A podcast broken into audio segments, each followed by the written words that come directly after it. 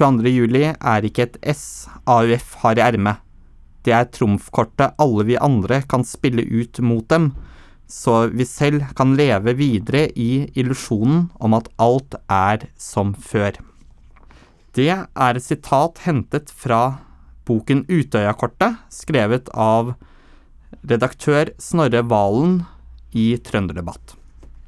Den som snakker her, det er meg, Kamerat E, og du hører nå på en podkast i serien Bøker og blomster. 22. juli og Utøya er en av disse hendelsene som står i en helt klart særstilling i nyere norsk historie. Et terrorangrep gjennomført av en terrorist, en høyreekstrem, som hadde blitt radikalisert eh, gjennom sin eh, oppvekst og ungdomstid, og ikke minst i sin tidlige voksne fase av livet. Terroristen eh, valgte 22.07.2011 å først sprenge en bombe i regjeringskvartalet, hvorpå han etterpå kjørte ut til Utøya og massakrerte ungdommer som var på AUF sin sommerleir. Dette terrorangrepet ble, veldig forståelig, det sentrale samtalepunktet for den offentlige debatten i 2011. En av de tingene som skjer tidlig i 2011, er at det oppstår noen helt særegne måter å snakke om 22. juli på. Det oppstår noen forventninger om hvem som skal kunne si hva. Og det er her eh, Snorre Valen i 2021, altså ti år etter, påpeker at det var en del underlige ting som hendte. Han identifiserer noe som han kaller for 22. juli-kortet. 22. juli-kortet, det betyr kort og godt at 22. juli fremstilles som et politisk kort, altså et redskap i et politisk spill, som Arbeiderpartiet og AUF kunne benytte i etterkant av 22. juli som et såkalt trumfkort mot andre Fremskrittspartiet. Litt av årsaken til dette er å finne i det ordskiftet som var tidlig etter 22. juli, hvor bl.a. flere ledende Fremskrittspartipolitikere, inkludert daværende nestleder Per Sandberg, hadde gått opp på Stortingets talerstol og framstilt Frp som et offer. Et offer fordi at folk påpekte den åpenbare sammenhengen med at Anders Behring Breivik hadde en fortid i Fremskrittspartiet og Fremskrittspartiets ungdom. Rett nok da nesten et tiår før selve terrorangrepet. Og dette ble en diskusjon, en samtale som mange kjente personer fra norsk offentlighet hengte seg på, inkludert en lang rekke innen media. Kjente kommentatorer fra kjente mediehus slengte seg på og stilte seg kritiske til i mer eller mindre åpenbare ordelag at uh, overlevende fra Utøya skulle slå politisk mynt, som det ble sagt, på terrorhendelsen. For å forstå dette bildet, så tenker jeg da at vi må gå tilbake til rosetogene. Til uh, den myten om at det var landet og folket som ble angrepet, og ikke spesifikt Arbeiderpartiet og AUF. Samtidig så tror jeg det også ligger en enda dypere ting inn i den på en måte diskursen, den samtalen. Eh, for i den ligger det også en annen side ved Breiviks terror, og det var den, som jeg selv mener å identifisere, klare antisosialismen bak. Arbeiderpartiet var ikke et tilfeldig offer. Like lite som, og det påpeker også Eh, Snorre Valen, og gjør det veldig klart i sin bok eh, hvor viktig hele den lange historikken til Fremskrittspartiet og høyresida i norsk politikk med å fremstille Arbeiderpartiet som en trussel, også er noe som må også leses inn i bakteppet. Og her må vi også forstå 22. juli-kortet, eh, hvordan 22. juli-kortet ble oppfattet som noe som var et angrep på veldig mange på den brede delen av norsk høyreside. Én ting er jo liksom sånn som eh, kjente figurer på ytre høyre, sånn som ja, Lars Thorsen i Sian. Lars Thorsen i Sian eh, kommenterte et eller annet på meg allerede høsten 2011. Uh, når jeg gikk ut i media og uttalte meg om den første rettspsykiatriske rapporten og om Breiviks tilregnelighet. Men de som virkelig på en måte har snakket om 22. juli-kortet, det har vært et helt annet segment, og det er et segment som også går dypt inn i partier som Høyre. Altså et langt bredere felt enn bare Frp, og i hvert fall langt videre enn bare de virkelig høyreekstreme. Og så kan man jo da lure på det spørsmålet på en måte stiller jo Snorre Valen oss, er jo hvorfor i alle dager er det så vanskelig for f.eks. Erna Solberg å bare si til Fremskrittspartiet Hei, dere har tatt feil. Dere er ikke offer. De virkelige ofrene her er fra Arbeiderpartiet. Nei, men saken var at Erna Solberg allerede i 2011, i disse debattene, også påla dette her mystiske ansvaret på de som hadde overlevd terroren på Utøya. Et ansvar for å være samlende for hele nasjonen. Et ansvar for å ikke slå politisk mynt eller utnytte 22.07. til såkalt egen fordel. Et ansvar for å opprettholde den liberale, frie ordvekslingen, sånn at man ikke kunne lede samfunnsdebatten inn et sted hvor det fantes for mye sensur. Det er noe tankevekkende med hele diskusjonen i etterdønningene av 22. juli.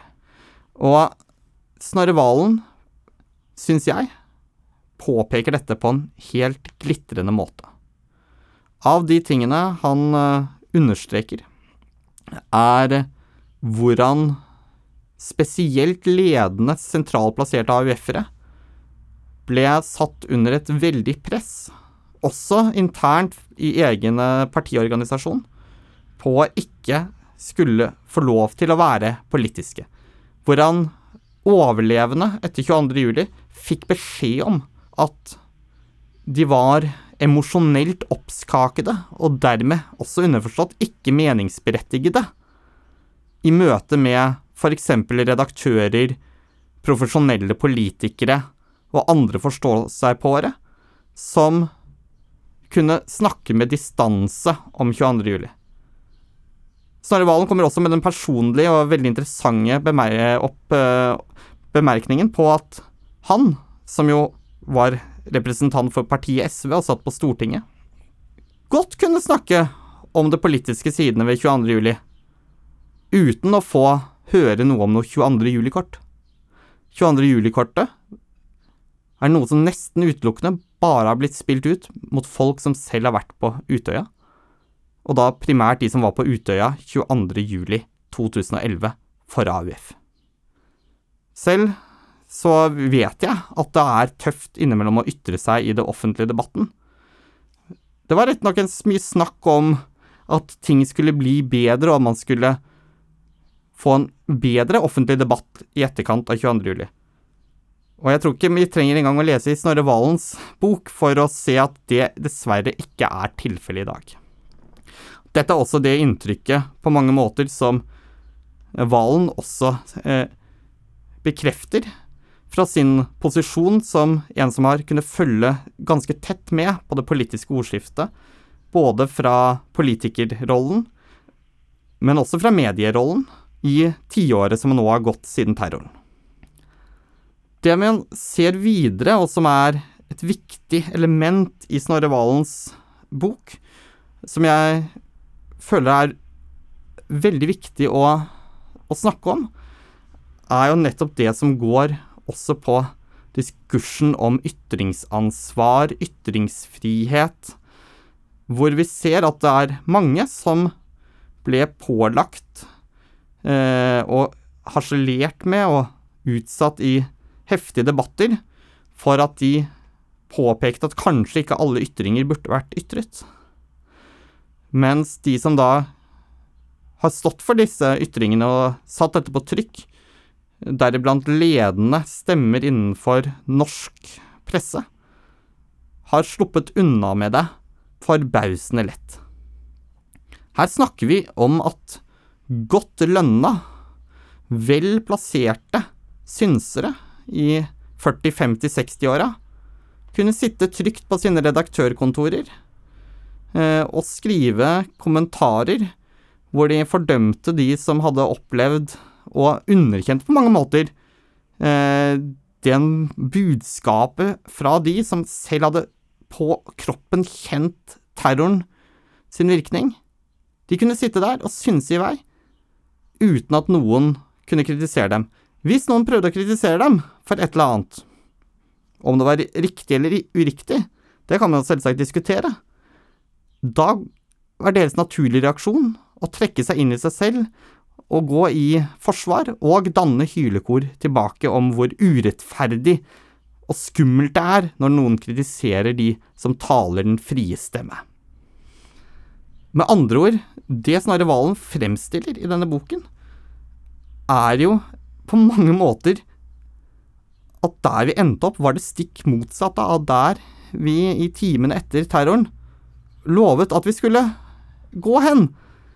I stedet for å få et oppgjør med tankegodset bak, så ble det i stedet slik at 22. juli på mange måter har fungert som et vern om nettopp disse ytringene som og konspirasjonsteoriene som på mange måter i sin, på sin måte bidro til at 22. juli i det hele tatt kunne skje. For ingen tanker er i seg selv eksisterende i et vakuum. De diskursene som ligger der, de konspirasjonsteoriene som ligger der, de er med på å danne grunnlaget for den ekstremismen som man kan se materialisere seg i f.eks. høyreekstrem terror. Men oppgjøret kom ikke. Snarere tvert imot ble 22. juli kortet spilt ut mot dem som prøvde å ta et oppgjør. Det ble brukt for å isolere AUF-erne som hadde Utøya-erfaringen med seg. Isolere dem internt i eget parti, men ikke minst i den øvrige samfunnsdebatt. På en slik måte at man kan si at de effektivt, som gruppe, i hvert fall, ble kneblet. Selvfølgelig har det vært kraftige enkeltstemmer ute, men det er først de siste månedene, over ti år etter terroren, at mange stemmer endelig har kommet fram, og mange kritiske røster for første gang har blitt lyttet til som kritiske røster. Og så kan man jo si Hvorfor trenger vi en SV-er og en redaktør til for å fortelle dette? Jo, men jeg tror Snorre Valen er den riktige personen til å fortelle denne historien. Mange AUF-ere har påpekt dette i klarere og mindre klare ordelag lenge. Men jeg tror at det er noen ganger også nødvendig å ha en alliert, en som står utenfor, og som kan se verden eh, klart, men også da ytre det klart at her er det noen som har gjort galt. Fra sin post som privilegert redaktør i et trønderdebatt og tidligere i Nidaros, så har eh, Valen kunnet snakke og ta opp singing internt i medielandskapet som få andre. Og når jeg sier som få andre, er det også på grunn av hans skarpe og nøkterne penn. Man merker at det er en personlig engasjert forfatter som står bak. Han bruker f.eks. eksempelet med sine tidligere gode bekjentskaper internt i AUF, her spesielt Utøya-overlever Ida Spjelkavik, som uh, han var mye del av samme politiske ungdomsmiljøet i, i Trondheim på tidlig 2000-tall. Han bruker sine egne erfaringer og sine egne møter med f.eks. Eskil Pedersen for å fortelle om hvordan det føltes å sitte på den andre siden når nettrollene og kommentarfeltskongene, og ikke minst de kongene av avisenes virkelige kommentarfelt, nemlig kommentatorene, fyrte løs den ene salven etter den andre høsten og vinteren 2011 og 2012. Det er sterk lesning. Men jeg tror det er også helt nødvendig lesning for alle som ønsker å arbeide med temaer som demokrati, antifascisme, og ikke minst alle som ønsker et mer sivilisert ordskifte, også et mer redelig ordskifte, og et ordskifte fritt for konspirasjonsteorier. Dette er en bok som det er viktig å lese. Den er kort, du kan lese den på én togtur, i hvert fall hvis togturen går fra Bodø til Trondheim. Det var der, eh, jeg fant tid til å lese den. Og den anbefales sterkt å leses. Dette er kanskje en av de viktigste norske bøkene som har kommet ut i 2021. Utøya-kortet sier mye om det politiske landskapet i Norge. Og vi kommer ikke utenom at dette er ting vi bør tenke på nå i høst når det også er valg.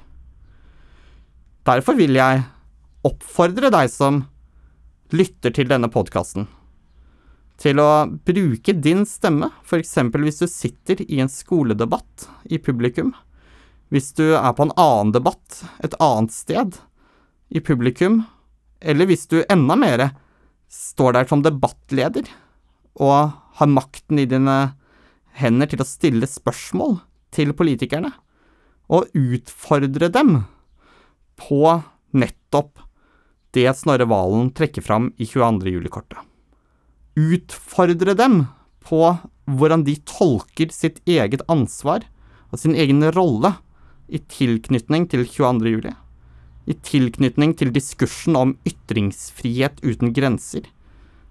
Be dem om å reflektere åpent om ytringsansvar og stille dem også til ansvar for det de selv har sagt, og hvordan dette går inn i og danner en større helhet med den større diskursen om konspirasjonsteorier, om fiendeskap, og ikke minst den antisosialisme som vi kan se ligger bak veldig mange av disse tolkningene, disse kommentarene, men også den frykten som høyresiden har hatt for å miste sitt trumfkort. Frp, ikke minst, og mange med Frp, fryktet at det høsten 2011 skulle bli umulig å diskutere innvandringspolitikk i Norge. Historien viser jo at det nesten har blitt umulig å diskutere innvandringspolitikk, for det du får som svar, er rasistisk oppgulp rundt hver sving. Skriv liksom noe som er litt liberalt, litt frihetlig, og du får en skyllebøtte tilbake av en annen verden. Gå med noe om klima, miljø, og få drapstrusler tilbake. Det er der debattklimaet vårt har havnet ti år etter terroren. På mange måter så ser vi at lite har blitt bedre, og mulig har en god del ting blitt langt verre enn det var tilbake da. Og jeg tror og det er min personlige eh, refleksjon, er at mye begynte å gå galt høsten 2011, når dessverre en god del stemmer greide å avspore diskusjonen om det ideologiske oppgjøret med terroren. Det var mange som ønsket at terroristen skulle ha vært strafferettslig utilregnelig. Vi vet at fyren ikke er, kall det, helt psykisk i vater. Det er du ikke hvis du går ut og likviderer 77 mennesker. Da er du ikke helt i balanse. Men samtidig tilregnelig. Spørsmålet om tilregnelighet var i stor grad et spørsmål om man kunne frikjenne eller ikke frikjenne ideologien bak. Dermed ble hele diskusjonen om 22. juli-kortet langt mer enn en diskusjon om hva som var verdig og ikke verdig av en overlevende å ytre seg om. Men det ble en diskusjon som på mange måter påførte ofrene, de overlevende, skyld og ansvar de aldri hadde bedt om eller krevd å ta. Samtidig ble de også effektivt frarøvet en stemme. Så ser vi og det er ting som jeg har stusset på lenge. Og det er i hvor liten grad mange i det norske samfunnet og samfunnslivet er interessert i å lære om og høre om 22. juli. Jeg tror kanskje det også har en sammenheng i at det er mange som også sitter med en dårlig samvittighet. Enten fordi at de føler kanskje på at de har et ansvar for ting de selv har sagt, ting de selv har gjort eller ikke gjort. Eventuelt det at de føler på den påførte skyld, skam, men også de truslene som de vet mange har fått etter at de har ytret seg. I så måte så kan vi si at 22. juli-kortet er nå det giftigste som har blitt tilført den norske politiske diskusjonen i dette tiåret. Og det tror jeg er lærdom som er helt avgjørende å ta med seg inn i en høst hvor vi igjen skal gå til stemmeurnene, og hvor eh, vi har av de som da var viktige aktører, da, kan jo nevnes at flere av dem fortsatt sitter i sine posisjoner. Internt i partiene, altså. Vi har jo en helt annen regjering nå, en regjering som holder på å felle den rød-grønne regjeringa over spørsmål om beredskap. Det er for øvrig den regjeringen som ikke helt har greid å ordne beredskapen, men enda mindre grad har greid å ordne opp i den ideologiske rotet som er ute på ytre høyre. Og her er det spesielt personer som ikke på noen måte er frems, Som prøver å fremstille seg som, men som ikke er. Eh, moderlige eh, landsmoderemner. Og her er det spesielt da Erna Solberg jeg har i tankene men også Sylvi Listhaug, som nå er eh, Frp-leder, men som jo er mest kjent for den famøse eh, Facebook-oppdateringen om at Arbeiderpartiet eh, heller, da, var, var budskapet, støttet te terroristenes interesser enn rikets sikkerhet. Jeg tror det fort kan bli en giftig valgkamp, det kan fort bli stygt å nevne disse tingene, men et valg handler jo om at velgerne faktisk har muligheten til å stemme selv om det betyr veldig lite den enkelte stemmen, da, men det betyr noe. Politikere ut av eller inn i posisjoner. Det ansvaret har du som lytter på også, hvis du har fylt 18 år eller fyller 18 år i år. Alle som har stemmerett ved stortingsvalget, bør bruke den stemmen.